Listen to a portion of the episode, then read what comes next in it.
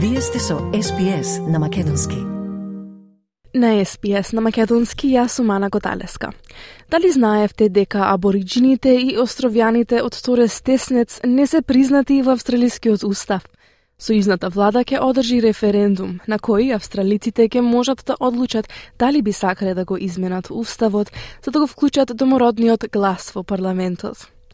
Значи, што е референдумот? Кој има правото да гласа во Австралија и која би била улогата на воведување на глас во парламентот?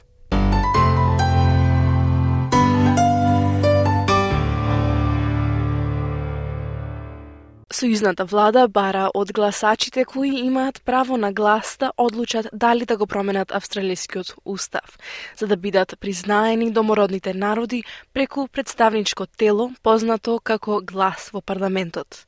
Гласот ќе биде составен од лица кои ќе советуваат владата за прашања и закони што ги засегаат народите на првите нации. Еван Екен Смит е портпарол на Австралиската изборна комисија, независно национално тело одговорно за одржување избори. Тој вели дека референдумот е единствениот начин на кој може да се измени австралискиот устав. A referendum is a national vote on a particular issue to change or not the Constitution of Australia. The only way you can change the Constitution is via a vote of the people. Parliament doesn't have the power to do it. Уставот утврдува како функционира сојузната влада. Во Уставот е утврдена основата за тоа како Комонвелтот, државите и граѓаните комуницираат, вклучително и кои закони може да ги донесат државите и сојузните парламенти. Граѓаните ќе треба да гласаат да или не на следното прашање. Предложен е закон за измени во Уставот со цел да се признаат првите народи на Австралија, со воведување на глас на абориджините и островските жители на теснецот Торес. Дали ја одобрувате оваа предложена промена?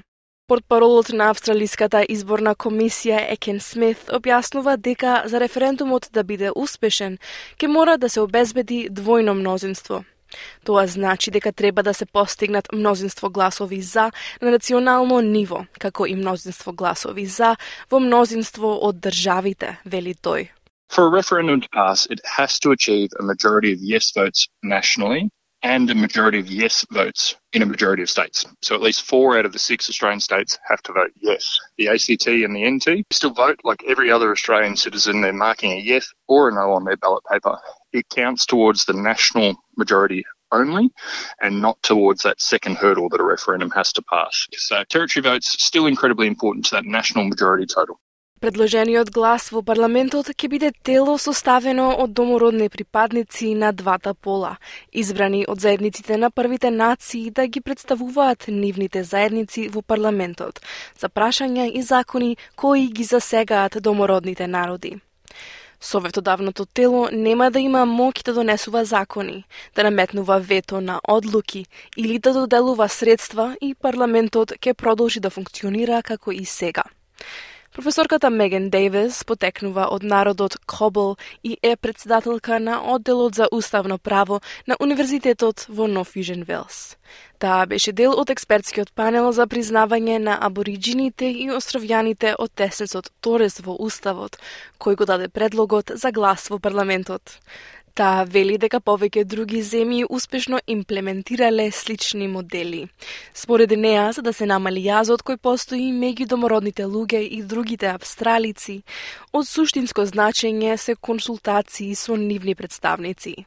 This is a very common reform that's made to democratic systems around the world to ensure that the voices of Indigenous peoples are heard when governments make laws and policies about them. One of the reasons that we haven't been able to close the gap in disadvantage in Australia is because the government very rarely consults communities when they make laws and policies about them. Дейн Паркен потекнува од народот Куанда Мука и е директор на кампањата за внесување на глас во парламентот, наречена од срце. Тој верува дека гласот ќе помогне да се гарантира одреден степен на самоопределување за првите австралици бидејќи владите ќе мора да ги слушаат луѓето кои најдобро ги познаваат предизвиците со кои се соочуваат нивните заедници. It's about bringing the expertise of Aboriginal and Torres Strait Islander people to the table so parliaments and governments can make better laws and policies, get better outcomes on the ground. We see through the Closing the Gap reports, we hear the statistics year after year after year. And many Australians are actually frustrated that we're not seeing the changes that we want to see in our communities.